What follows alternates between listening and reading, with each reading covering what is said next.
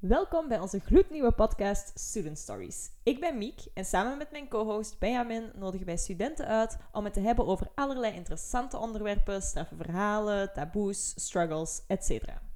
Dit eerste seizoen focussen we ons op de verschillen tussen studierichtingen en nodigen hierbij toffe gasten uit die al een heel academisch traject hebben afgelegd. Je kan ze ook wel ervaringsdeskundigen of veteranen van uw Antwerpen noemen. Perfect dus om jullie een realistisch beeld te geven wat een bepaalde studierichting echt inhoudt. Want let's be honest, het is niet altijd zoals in het brochureke. In deze aflevering gaan we het hebben over de verschillen tussen taal- en letterkunde en toegepaste taalkunde. Veel luisterplezier!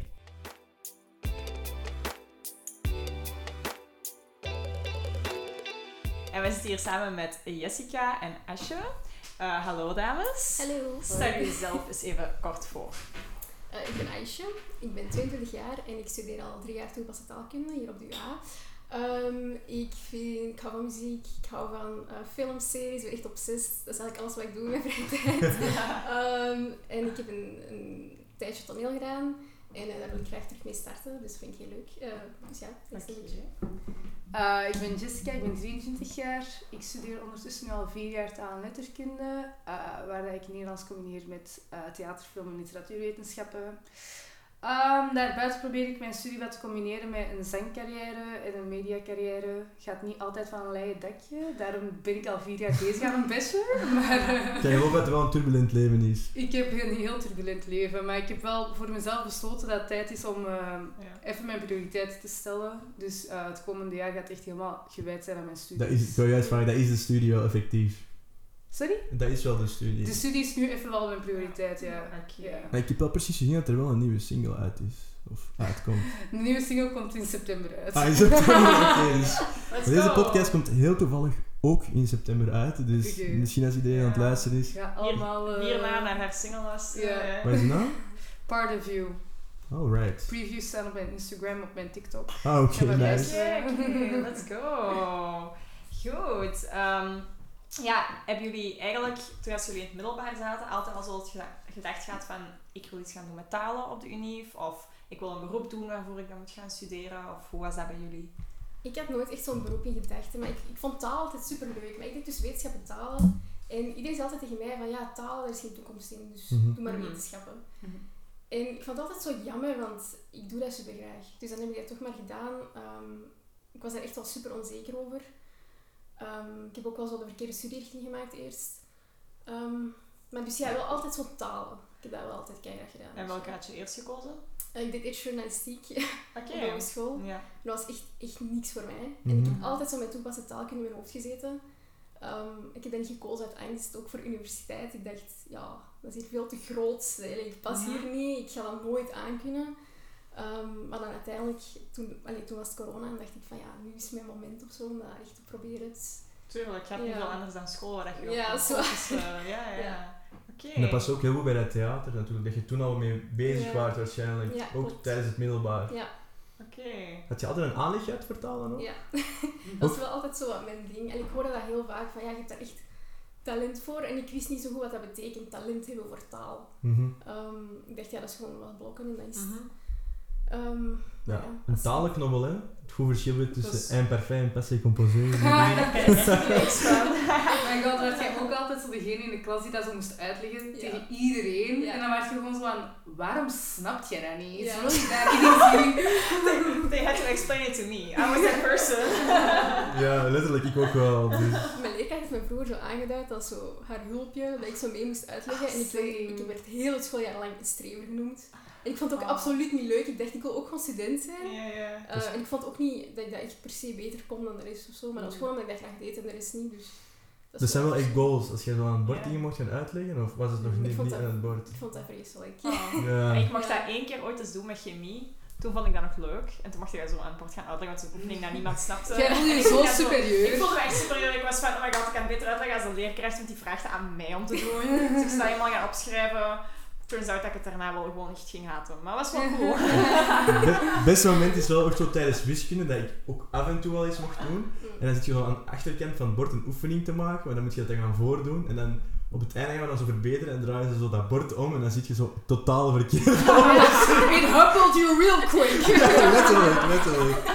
Dus ja, Oké, zou maar geen eens kunnen gaan doen. Heb jij diezelfde ervaring gehad tijdens het middelbaar? Ehm, ik heb echt... Het probleem is, ik heb ADHD. Ik zit heftig op het spectrum. En zo'n kenmerk van mensen met ADHD is dat die duizend interesses hebben, dat die echt tegelijkertijd willen doen. Mhm. Dus dat is echt zo de grootste struggle van mijn leven geweest. Ook omdat ik zo... ehm, ik wist wel altijd dat ik een heel grote voorliefde had voor eh, talen. En zoals Nederlands, Engels, Frans en zo. Dat waren altijd mijn favoriete vakken op school. Dus zo dat je dacht van, ah ja, misschien wil ik later ook wel leerkracht Frans of zo worden, heeft altijd wel zo ergens in the back of my mind gespeeld. Maar ik zat ook wel op een kunstonderwijs. Dus zo, daar was het heel logisch om na je kunstonderwijs ook verder te gaan in het hoger kunstonderwijs. Dus dat Mhm. was ook dan een ding dat zo meespeelde in mijn hoofd. Ja. En mijn mama was ook verpleegster, dus zo die liefde voor zo medische dingen Ja. zat ook wel heel hard in mij. Dat is ook zo altijd iets dat Mhm. mij super hard heeft geïnteresseerd. Dus zo een studiekeuze kiezen was in het begin super, super turbulent. En ik ben super vaak veranderd van richting.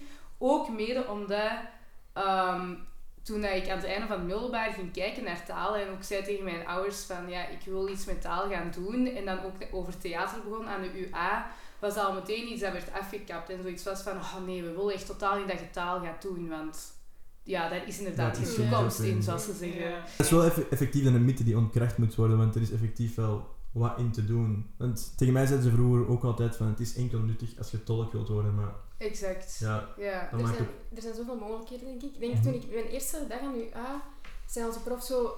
Ja, jullie zitten hier allemaal wat bang, maar jullie hebben goed gekozen. En die hebben echt zo van... allee, echt zo oud-leerlingen ook uitgenodigd om te vertellen over hun Ja. allee, carrière een beetje. En ik vond dat echt wel interessant, want dat is zo uiteenlopend. Echt. Mhm. Ja. Stel je echt wel gerust. Ja. Oké. En Ja. geven ze ook tijdens, de, tijdens je looptraject dan ook heel veel opties van kijk, met dit vak, daardoor kun je dit en zo worden? Of heb je totaal geen zicht op wat je later kunt doen doorheen je studiejaren? Bij ons, we hebben zoveel uiteenlopende vakken. We hebben echt zo interculturele communicatie. We hebben echt heel veel praktijkvakken ook, cultuurvakken. Ehm, dus bijvoorbeeld communicatie of zo, zou ik echt graag doen. Mhm. Mhm. Ehm, dus ja, dat is echt heel uiteenlopend, maar ik heb daar zo geen echt beeld op wat ik echt wil doen. Dat vind ik Ja. echt nog moeilijk. Eh, ik denk met taal en letterkunde dat het wel altijd zo heel belangrijk is om te onthouden dat taal en letterkunde vooral een onderzoeksrichting is.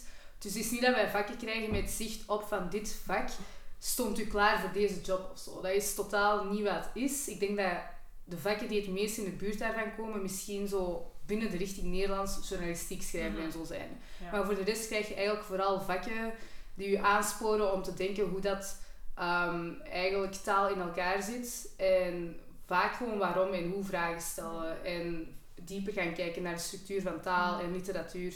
Dus dat is eigenlijk een richting die je meer klaarstond om onderzoeker te worden in plaats van echt een job te Ja, hebben. oké. En ik hoorde je wel zeggen Nederlands, dus jij hebt voor Nederlands gekozen? Ja, ik Wat heb dat? eerst Frans gedaan. Ja? Dat was het niet.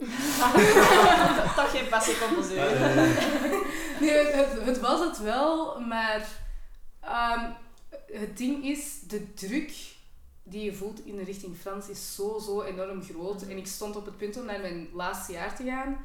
Maar op, ja, op een gegeven moment, dat was ook in coronatijden en zo, en die druk lag zo hoog. Ik, ik voelde gewoon dat ik daar niet gelukkig van werd. En ehm, ik ben zelf ook wel gewoon na, alleen, naast school ben ik superveel bezig met poëzie en literatuur en zo, dat ik zelf schrijf. En dat is altijd in het Nederlands. Dus het leek mij gewoon logisch om die switch te maken naar het Nederlands, omdat dat meer in lijn ligt met hoe dat ik zelf in het dagelijks leven sta. Ja. En was dat dan echt van nul terug beginnen? Of had je bepaalde vrijstellingen waar vakken... Uh, voor Nederlands was dat echt wel helemaal van nul beginnen, ja. ja. Oké. Maar voor de rest ging ik gewoon door met de, met de richtingen. De Ja, algemene ja. vakken en zo. Die Ah. Die moest je... Ja, oké. Nee, ça ja. va. En eh, bij jou, Asje? eh, wat heb jij gekozen van taal? Ik doe Frans-Spaans. Frans, Ehm, maar het is voor dat toepassen taalkunde. Je kiest dus eigenlijk twee vreemde talen. Dus Mhm. één taal waar je wel voorkennis voor nodig hebt, bijvoorbeeld Frans. Mhm. En eentje waar je geen voorkennis voor nodig hebt, eh, bijvoorbeeld Spaans dan. Eh, maar het Nederlands zit altijd wel in je pakket. Oké. Dus het is eigenlijk Ja. zo een combinatie van drie talen. Maar het is, ik vind het wel interessant dat je dat zegt, want dat is zo'n verschillen met toegepaste taalkunde. Dat is echt toegepast. Dus je, je Mhm. leert echt wel zo converseren en, en bedrijfsleven, de do's en don'ts van je taal. En hoe gedraagt je je bij Spanjaarden of zo. Hè? Zo echt die Ja. cultuur. Dus dat is wel zo heel interessant, maar ook wel heel, heel anders dan taalletterkunde. Ja, dat is, dat is Ja. echt een, een grote component die wij missen in Mhm. taal en letterkunde. Dat is eigenlijk vooral de ja, die toe, zo, hoe dat je moet praten. En, Ja. allee, je leert je taal wel, je leert je woorden schatten en zo, maar het gaat eigenlijk vooral over ehm, teksten kunnen opstellen en begrijpen. Ja. Hm. In plaats van echt in een cultuur duiken en Mhm. weten wat het do's en de don'ts Ja. zijn van die cultuur. Ja. Ja. Wat is voor u dan de grootste charme geweest dan toch van de richting? Ehm, de grootste charme was eigenlijk gewoon taal op een heel andere manier leren kennen. Mhm. Ehm, omdat ik daar nooit bij stil heb gestaan hoe wetenschappelijk het kon zijn. En met taal en letterkunde is daar eigenlijk gewoon zo'n wereld voor, allee, van open gegaan. Allee, ik heb le- geleerd hoe dat taal in het brein werkt, hoe dat mensen dat aanleren. Dat is echt dat is zoveel meer dan dat wij denken. En dat schept zoveel meer in onze dagelijkse realiteit waar, dan waar dat wij bij stilstaan. Dus ehm, ja, daarom ben ik het blijven doen.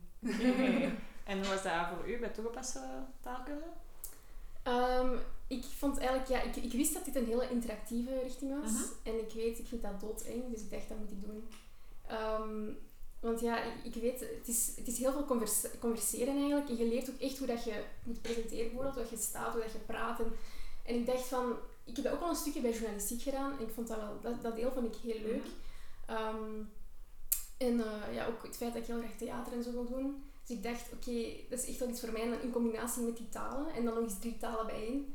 Ja, dat is wel een heel boterham. Ja, dat is Mhm. wel, het is echt hard werken, maar allee, je leert er, je, het is zo veelzijdig. Dat wel. Ik kan me wel voorstellen dat de eerste jaar dan wel even helemaal uit de comfortzone was.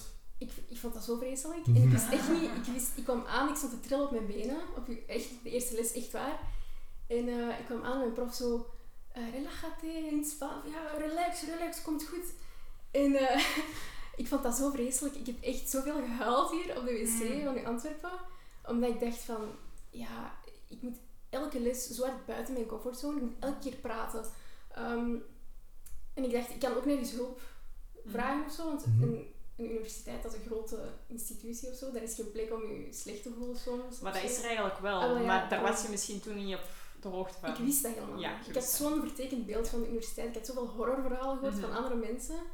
Ehm, dus ja, ik heb echt te laat daar eigenlijk wat hulp mee gezocht eigenlijk. Maar ik ben echt wel hard opengebloeid eigenlijk in die drie jaar. Dat is Ja. wel mooi, maar heb je uiteindelijk wel die hulp hier gebracht? Oké, Ja. dus ben je naar het stip gegaan? Of ja, naar wat ben mijn gaan? derde jaar Ja. eigenlijk. Ehm. Vorig semester eigenlijk pas. Mhm.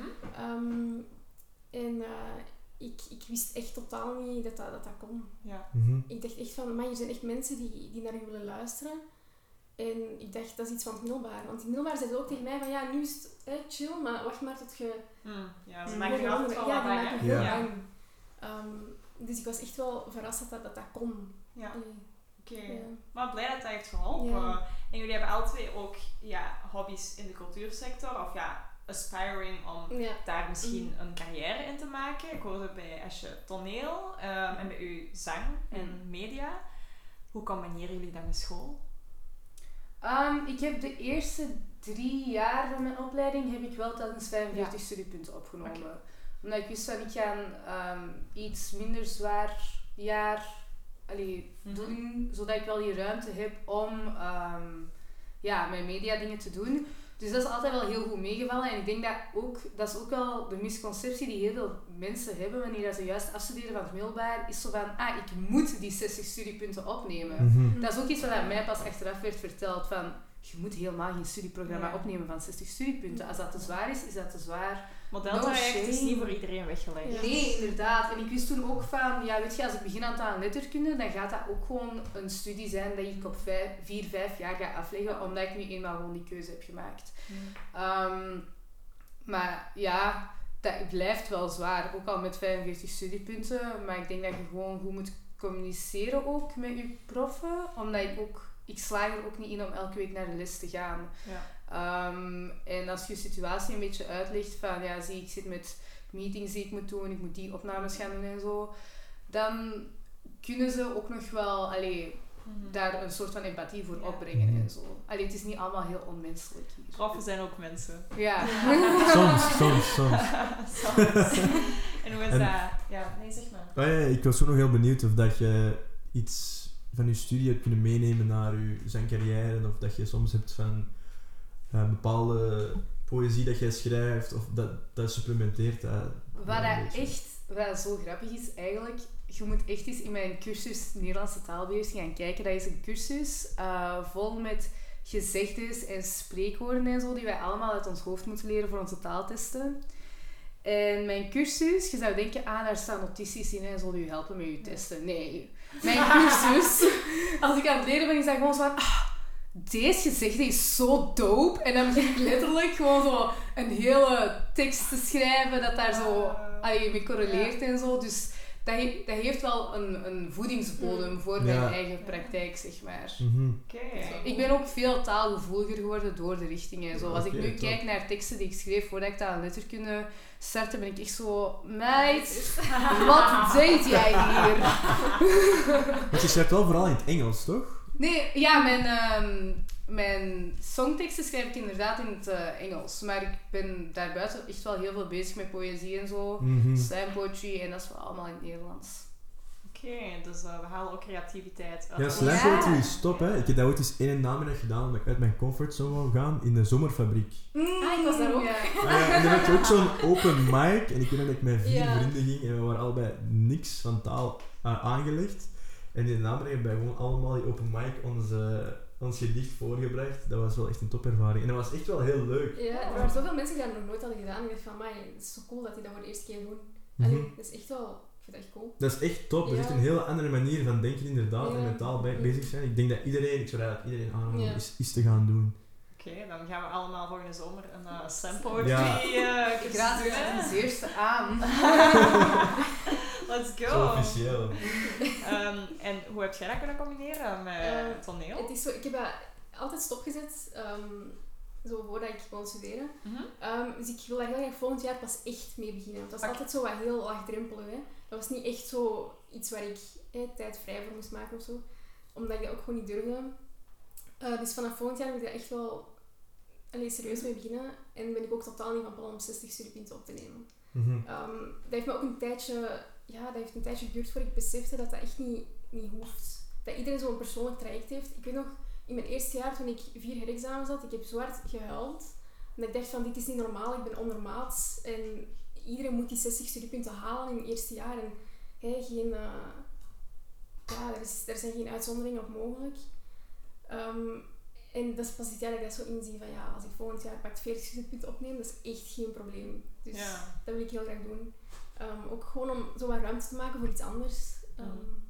Dat dat niet al- altijd allemaal zo perfect moet zijn. Ja, dat is zo anders dan middelbaar. hè. Je krijgt veel meer Ja. vrijheid. Van in middelbaar zit je van half negen tot na vier uur ik op weet echt niet hoe school. ik dat ooit Ja. heb gedaan of volgehouden. Ja, Ik letterlijk. Elke persoon die ik nu spreek, die zegt van, maar hoe is dat ooit Ja, gelukt? Mhm. Nu krijg je veel meer die vrijheid. En sommige mensen, in het begin is dat een beetje struggle van hoe ga ik ermee om. Ja, Maar eh, het co- creëert wel meer open eh, mogelijkheden op lange termijn natuurlijk. Ja, sowieso. Maar mij moet je echt niet meer achter die schoolbanken gaan zitten. Want Nee. middelbaar hou ik echt geen dag vol. Maar soms heb ik wel zoiets van... ah, Eigenlijk zou ik dat wel willen, dat de UNIF mij verplicht om van half negen tot half vijf, was het, op school te zitten. Want dan, snap je, dan word ik wel verplicht om met mijn lessen bezig te zijn. Eigenlijk, die regelmaat is ook ergens wel underrated, Ja, vind ik. ja. Ja. Ja. En ik weet nog, tijdens die corona, dat was echt het wilde west. Er zijn zo een paar Mm. Eh mediasites, zo van die opnames beschikbaar. En ik kon die kijken wanneer dat je maar wou. Ja. Met, die, met die vrijheid, ik kom daar echt niet mee om. Mm. Dat was echt... Ik ging het dan op maal 2, veel te laat allemaal. Same. Ja, dat was echt... Ja, ik vond echt die transitie van middelbaar naar hoger onderwijs, ik vond dat zo, zo erg. Want jullie zijn ook allemaal gestart in corona, Ja. toch? Ja. Ik niet. Jij iets Ik ben nog, ervoor. eh, voor, ja. Ja, ik ben met taal en letterkunde ben ik wel inderdaad begonnen in het jaar dat corona is uitgebroken, maar ik heb daarvoor nog een jaar gestudeerd. Ja. Mhm. En was dat dan, doordat je al een jaar had gestudeerd, makkelijker om je aan te passen? Of was het nog altijd moeilijk? Ehm, ik denk gewoon dat dat was voor iedereen echt fucked, Mhm. die periode. Mhm. Like, ik weet nog dat ik zo... ehm, dat was verschrikkelijk. Ik had zoveel stress en anxiety. En ik weet nog dat ik echt... ehm, ik had paniekaanvallen omdat ik dacht van, ik ga mijn jaar niet halen. Het was ook gewoon zo plots. En de UNIF wist zelf ook niet meteen hoe dat ze daarop moest reageren. Of hoe dat, Ja. hoe dat aangepakt moest worden. Dus wat wij hadden was het gewoon van... We hadden echt heel moeilijke vakken, want ik deed nog Frans. En dat waren vakken die ik plots helemaal alleen moest doen. Zonder echt een deftige begeleiding. Of ik kreeg taken waarvoor, waarvoor ik helemaal geen lessen had. Ja. En die Ja. taken moest ik oplossen, Mhm. terwijl ik niet wist hoe.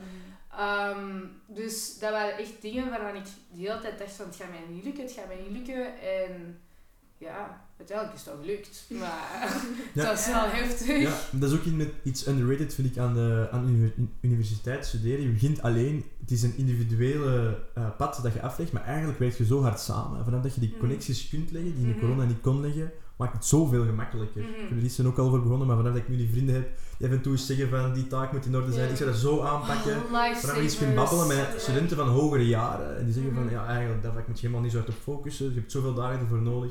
Dat maakt het echt tien keer makkelijker. Dus, Ik heb dat eh, echt pas vanaf dit jaar, dat ik zo Ja. echt connecties heb. Want ja, ik, ik had alleen maar online les en ik, vers- allee, ik, ik, ik vond dat aan de andere kant ook zo comfortabel. En ik dacht, dan moet ik geen... Mhm. Ik vond dat zo eng om in die aula, hoe spreek ik mensen aan, hoe doe ik dat Mhm. nu? Ik heb daar zo hard mee gestruggeld. En eh, ja, ik dacht van, oké, laat die corona maar, laat die online les maar. Hè. En dan ineens in het tweede jaar moest ik terug fysiek komen. Ik dacht, shit, hoe ga Ja. ik dat doen? Ja. Eh, Hoe heb je dan dus die conversaties gestart? Dat was zo awkward in het begin. Maar dat is altijd Ik weet nog, in het begin vroeg ik, ah, studeer jij ook talen? in het tweede jaar. En die echt zo, ja. dus dat was echt erg. Maar vanaf het derde jaar is dat echt zo... Ik heb echt eens iemand aangesproken, ik heb gezegd, weet je, ik voel me oncomfortabel, Mhm. mag ik naast u komen zitten? Ik heb altijd online les gehad, ik weet niet hoe ik dat moet doen. En die zei, same. En dat was zo goed, dat ik, dat, zo, dat ik iemand had die dat ook zo had meegemaakt. Mhm. Um, en dat is zo'n groot verschil met mijn Mhm. moed en hoe ik, hoe ik mijn studies aanpak en zo, nu dat ik mensen ken hier. Dat echt... ja, inderdaad, mensen aanspreken. Soms is dat awkward, maar je kunt inderdaad ook gewoon eerlijk zeggen van Ja. hey, ik ben wel awkward, ik weet niet zo goed hoe ik het moet doen. Ja. En dan, als je geluk hebt, ja, dan zijn er mensen waar het daarmee klikt. En anders on to the next. Ja, maar dat dat is iets wat je natuurlijk moet leren. Ja. En waar dat niet vanaf het begin van dat je dat je loopt. Maar het is wel belangrijk dat we weten dat bij iedereen hetzelfde is. Dat vrienden maken bij, bij niemand Mm. altijd super goed. Dat, dat is gewoon zo. Ehm, Ik weet nog dat ik zo in het begin... ah, dat echt... Ik forceerde zo mijn vriendschap op mensen. ja. ik weet nog dat ik zo'n trick had dat ik zo in de pub ging zitten en ik had altijd kauwgom mee. En als er zo iemand naast mij zat dan, dan, en ik, ik haal zo kauwgom boven, dan was dat zo van, moet jij ook kauwgom hebben? en dan begon ik zo te praten met mensen of zo zelfs... Ah, dat was echt het zieligste wat ik ooit heb gedaan. Toen hadden wij nog zo een prom. Dat was nog net voordat corona uitbrak. En ik hoorde zo mensen in mijn klas zo daarover bezig van, ah ja, we gaan samen voordrinken, dan naar prom gaan. En ik was daar dan zo, ik, ik sprak daar eigenlijk nooit mee met die mensen, maar ik was er zo tussen gekomen en ik was zo, oh, jullie gaan. Oké, cool, ik wil mee. en toen heb ik mezelf uitgenodigd. En zo zijn wij vrienden Ah, die geworden. reageerden wel, die waren echt gewoon van, Zo oké, kom maar mee. Ja, want ja, we hadden, we hadden letterlijk elke week literatuur samen, dus... Ik dat kon is er ook geen nee zeggen Nee. Het is wel een leuke Ja, al- story. al veel strategieën gehoord. Zo mensen die gewoon expres geen pennen meenemen naar de les, die dan Ja, gewoon zo aan iedereen zitten te vragen om dan gewoon een conversatie te starten. Ik heb echt Ja. al veel dingen gehoord. Ja, mijn dingen, bij, vooral bij meisjes, maar kun je ook wel bij jongens doen, is zo, als die een leuke outfit aan hebben, gewoon die direct beginnen aanspreken en zeggen van, hey, love your vibe, love your style, en dan daarover beginnen praten of Mhm. zo. Ehm, maar ik vind dat zelf uitnodigen ook wel, dat is wel onhandig of zo. Ja, toch. Ja. Kun je direct zien wat de dingen is. Ja, wat de Ja, vibe is. Bij mij was het eerder zo van, ik keek gewoon naar links en dan was dat gewoon zo van, snap jij er ook niks van? Nee bro. Oh, zo niet van snappen is zo Dat is baan. Dat is echt, Ja. ik het, dat schept de beste band. Letterlijk. Lotgenoten. ja, nee, maar dat is echt waar. Ehm, ik denk dat we ook de meeste vragen van de richting al hebben gesteld. Ehm, wat ik nu ondertussen al heb begrepen is toegepaste taalkunde. Dat is echt, wat de naam zegt, heel toepasselijk. Je Ja. leert hoe dat je het leert toepassen. En aan taal en letterkunde gaat meer onderzoekend te werk. Iets minder dat toepasselijke, maar je leert nog altijd wel heel veel van de taal natuurlijk. Ehm, maar elke taal heeft, eh, elke richting heeft natuurlijk ook zijn stereotypen. Nu, ik heb zo wat research gedaan, maar ik vond niet zo heel veel verschil tussen de stereotypen van eh, taalkunde en taal- en letterkunde. Eentje daarvan die jullie moeten ontkrachten, als dat zo is, is ehm, dat jullie enkel eh, boeken moeten lezen en woordjes van buiten leren. Echt niet waar. Ik heb echt, ik heb denk ik twee boeken, drie boeken of zo moeten leren. Oké. Maar drie boeken moeten lezen? Ja, zoiets. Oh, Oh, heb ik Dat niet is echt niet verwacht. veel. Ehm, woordjes lezen, vooral, allee, leren vooral in je eerste jaar. Maar Ja. daarna echt, dat wordt zo... Dat is, ik heb nu eigenlijk vooral conversatielessen. Ehm, echt heel uiteenlopende vakken. Ehm, copywriting, vertalen, tolken. Wauw. Dus dat is echt, echt heel technisch. Hè. Dus dat is niet echt... Ik, ik zit niet constant op blokken. Het is juist heel ik ben constant bezig met hoe kan ik dat het beste in de praktijk om, allee, omzetten. Mhm. Mhm. Dus ja. Oké. Klinkt echt wel super interessant, want ik had eerlijk gezegd niet echt een Ik idee heb van waar, waar waar je richting inhield. En ik was zo van, ik ben eigenlijk wel benieuwd om te luisteren, vooral wat ze te zeggen heeft, maar het is echt wel heel tof. Ja, ik vind het ook wel Je tof. kunt ook wel denk ik, met een groot deel van de wereld nu gewoon converseren. Spaans, Frans, Ja, Nederlands. ja, dat is wel mooi meegenomen. Ja. This is worldwide. Ik heb één jaar Spaans gehad tot middelbaar. Het enige dat ik nog weet is una rana, dat is een kikker. Ja. Zo peculiar dat dat zo blijft Ja, hangen. Ja, maar Ja. we hadden op een bepaald moment zo tijdschrift lezen over de Amazone en daar was zo'n grote kikker op en ik wou weten wat dat... Ik was geïntrigeerd door die kikker, want het was een kikker met groen en donkerblauwe plekken. Maar weet je, eigenlijk is dat echt de perfecte motivatie om een taal te leren. Letterlijk. Ik vind echt gewoon...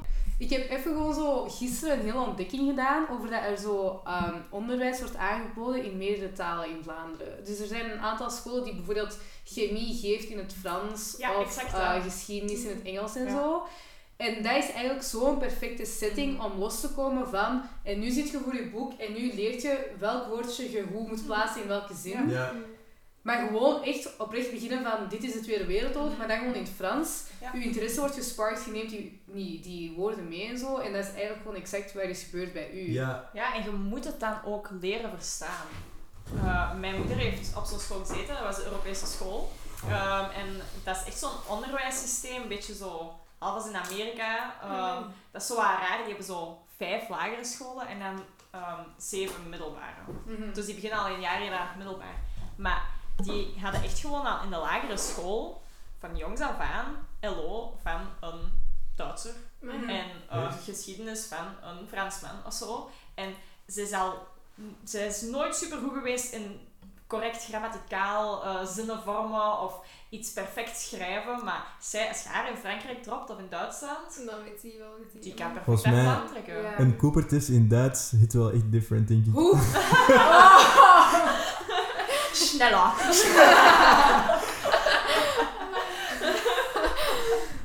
ja, dat is vrij agressief, maar hey, het is wel goed, je agressie uit. Het is echt zo, scheisse!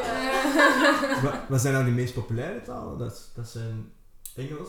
Eh, ja, ik denk Frans, Spaans ook. Ah, ja. Mhm. Eh, want je kunt ook Italiaans kiezen, Chinees is er ook. Ehm, Duits. Ja. Maar Ja. ja. het is echt, er de meeste mensen zitten echt in Frans. Ah, dat is wel echt het tegenovergestelde in taal en letterkunde. Echt? Ja, de meeste Ah. mensen zitten in Frans. Ah, is dat waar? Maar Ja, ik denk dat ik daar in, het eerste, in de eerste bachelor, dat ik daar begon met 20 man of zo, Mm, uit heel taal en letterkunde. Dat was Ja, bij ons is zo het omgekeerd. We veel. zijn met superveel gestart en nu zijn we echt een kleine klas eigenlijk. Ja, ja. Dus dat is wel... Ja, maar bij ons zitten de meeste mensen gewoon in ehm, Nederlands en Engels, denk ik. Ah, ja. Oké. En is dat zo... Ik ken niet zo heel veel mensen die toegepaste taalkunde doen. Dus is taal en letterkunde sowieso een grotere richting met meer studenten? Zit er- Volgens mij wel, omdat de meeste mensen kennen niet zo goed. Allee, die, die, die kennen Ja. die richting niet zo goed. Ah ja, oké. En die denken ook van ja, taal en letterkunde, dat is, dat is het talengedeelte, maar toegepaste taalkunde, dat blijft daar zo... uh, allee, Mhm. Ik kende dat persoonlijk ook niet, totdat ik daar echt research naar ben gaan doen van Ja. taal en letterkunde. Ja. En heb ik opgezocht en dan kwam ik bij taal en letterkunde, verschil toegepaste taalkunde. En zo Ah, ben ja. ik daarbij terechtgekomen. Ja, dan was er nog een stereotype. We hebben al wel wat gepraat over de toekomst, maar dat je dus enkel leerkracht zou kunnen worden. Maar dat is dus totaal niet waar. Nee. Nee. Nee, ik denk zo, ehm, waar ik heel hard mee struggelde vroeger, was zo de commitment aan een richting en zo denken van, nee, nu studeer ik dit en ben ik, moet ik dit worden, Mhm. snap je? En ik heb zo die geruststelling wel zo gevonden in taal en letterkunde, met het feit dat eens dat je afstudeert, je echt gewoon letterlijk alle kanten op kunt gaan. Like, je toekomst zit echt niet vast gepland. nee. Ehm, Dat dacht ik dus altijd wel in, in mijn eerste jaar. Ik dacht, shit, hè, welke, welke, oh nee, wat ga ik doen qua job en oh nee, master en wat ga ik hierna doen? En dat is zo, er zijn zoveel mogelijkheden Mhm. eigenlijk. mhm. Je leert jezelf ook wel denk, een beetje kennen Ja, tijdens de richting. ja, en meer van, eh, eigenlijk dacht dat deze leuk ging zijn, maar dat is toch niet helemaal mijn ding. Ja, maar klopt. dit Mhm. Mhm. is toch wel tof. Zijn er zo bepaalde momenten geweest dat je zo echt jezelf bent tegengekomen in de richting en je denkt van wow, nu ben ik wel echt...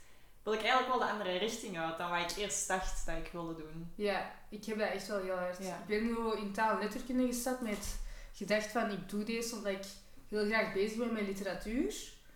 Uh, maar aldoende ben ik daar eigenlijk ben ik echt helemaal geswitcht. Nu heb ik echt zoiets van oké, ik hou van literatuur, maar ik ben zo, zo eindeloos gepassioneerd in hoe dat taal werkt Mhm. en hoe dat mensen omgaan met taal. En hoe dat structuur in elkaar zit, hoe dat brein functioneert daarop en zo. Dus dat is echt iets dat, waar ik met zoveel plezier in mijn vrije tijd nog studies over lees. Ehm, dus ja, ik ben ook van plan om daarin verder te gaan in plaats Ja. van literatuur. Wat ik eigenlijk nooit had zien aankomen. Ja, ja. Nee, goed dat je wel uit die tunnelvisie dan bent gestapt. Want ik denk dat er ook wel veel zijn die zich zo vastnagelen aan het beeld dat ze Ja. altijd hebben gehad. Mhm. Ja, dat heeft echt in het brein en taal is super interessant ook, hè, wat dat allemaal met ons doet. Maar ik Ehm, heb... maar even... Ik ben, ik ben zo ondersteboven daarvan. Ik heb gisteren een studie gelezen over zo meertaligheid en cognitie.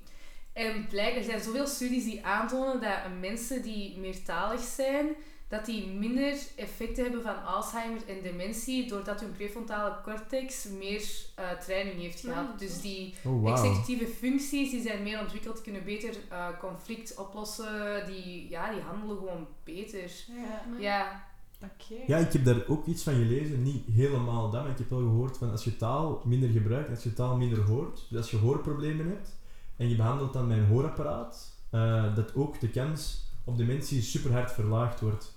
Dus je moet je altijd blijven openstellen voor, voor dat praten en voor te, te Mhm. luisteren. Ja. Mhm. Dus dat, dat is wel echt heel interessant, vind ik ook.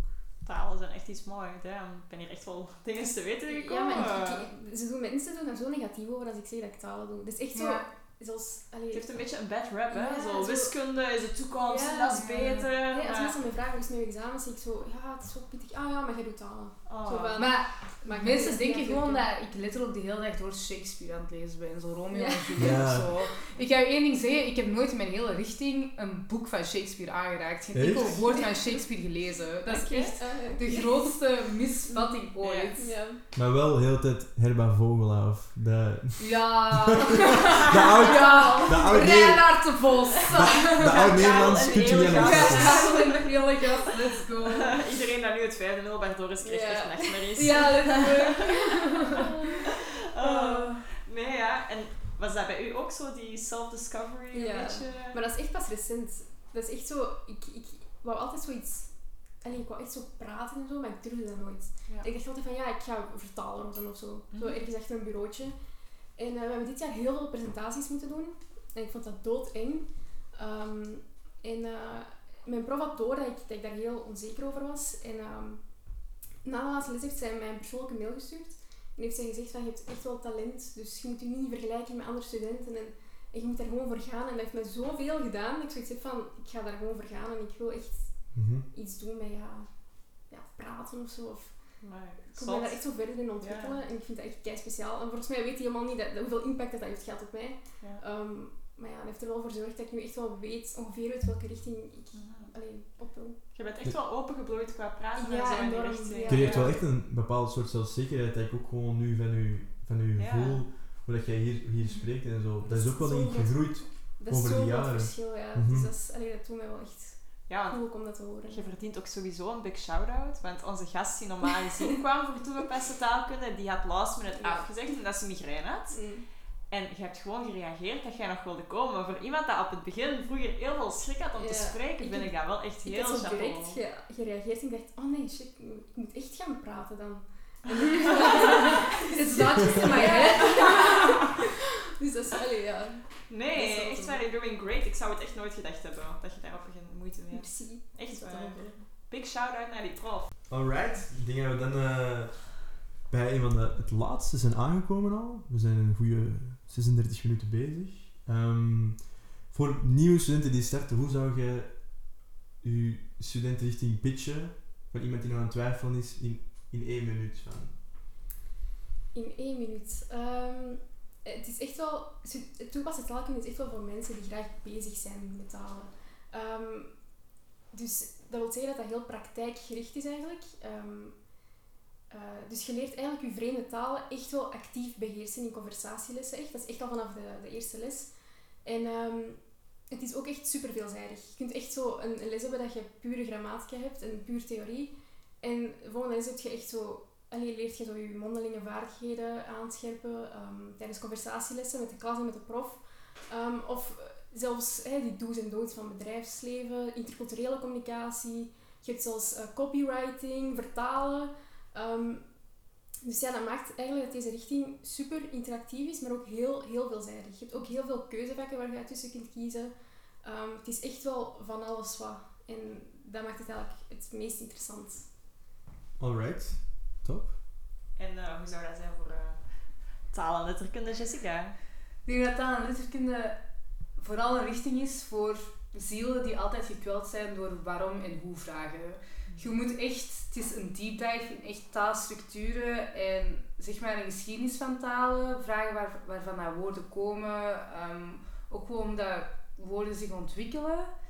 Ehm, dus je moet eigenlijk echt heel bereid zijn om gewoon die taalgevoeligheid ook te ontwikkelen bij jezelf en altijd verder te proberen gaan kijken dan gewoon te zeggen van ah, dit is zomaar een zin. Ehm, hetzelfde voor literatuur. Het is ook gewoon heel hard afvragen van wat is literatuur nu? En hoe is literatuur in een maatschappij dat altijd verandert? Want onze, onze waarden, onze normen, die veranderen constant doorheen elk tijdperk. Dus dat reflecteert zich ook sowieso in taal en in literatuur. Dus het is eigenlijk vooral zoiets dat je gaat onderzoeken. Dus als zoiets u echt heel hard interesseert, dan zet je eigenlijk gewoon op de juiste plek. Oké, kijk goed.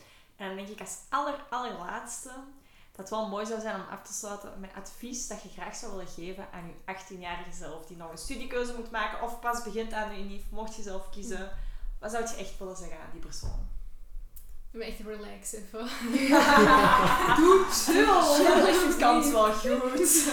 Maar jongen, echt die eerste dag, ik weet dat nooit. Ik dacht echt, dit overleef ik niet. Ik heb echt waar, een maand voordat academia begon, ik heb niet geslapen. Ik heb echt waar, van psycholoog naar psycholoog. Hé, en oh nee, dit komt niet goed. En echt, was het einde van de wereld. En, en dan kwam ik aan en mijn prof Spaans zo, hé, en, en wat is je naam? En, en bent je hier goed geraakt? En, en hé, je ziet iets zitten. En ik dacht, dat was ook zo'n kleine klas. En ik dacht, huh, dat, dit is toch geen universiteit? Een Mhm. universiteit is toch zo met proffen die echt tirannen zijn, waar je een nummertje bent.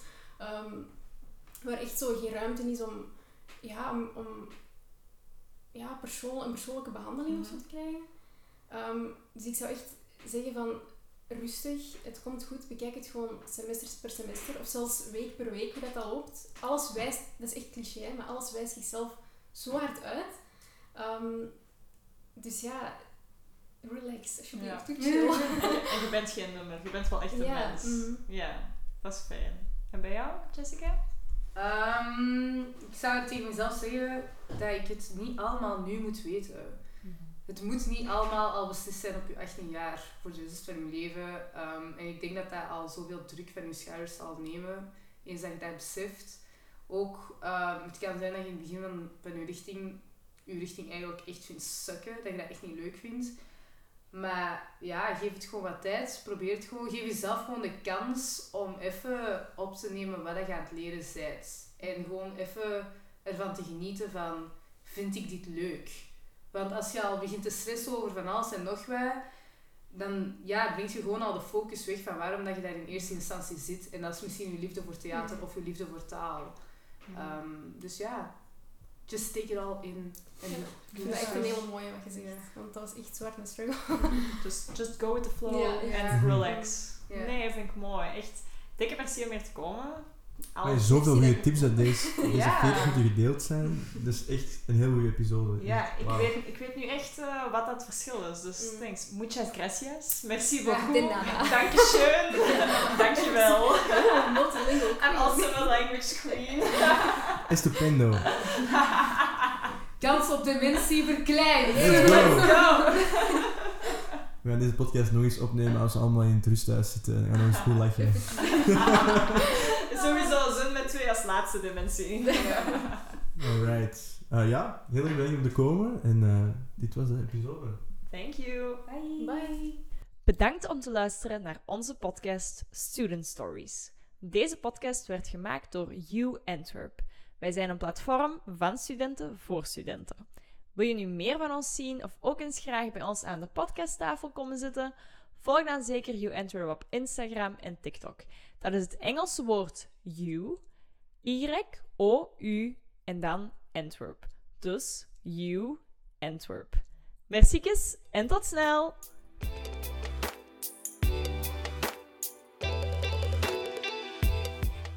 Universiteit Antwerpen. Bepaal mee de toekomst.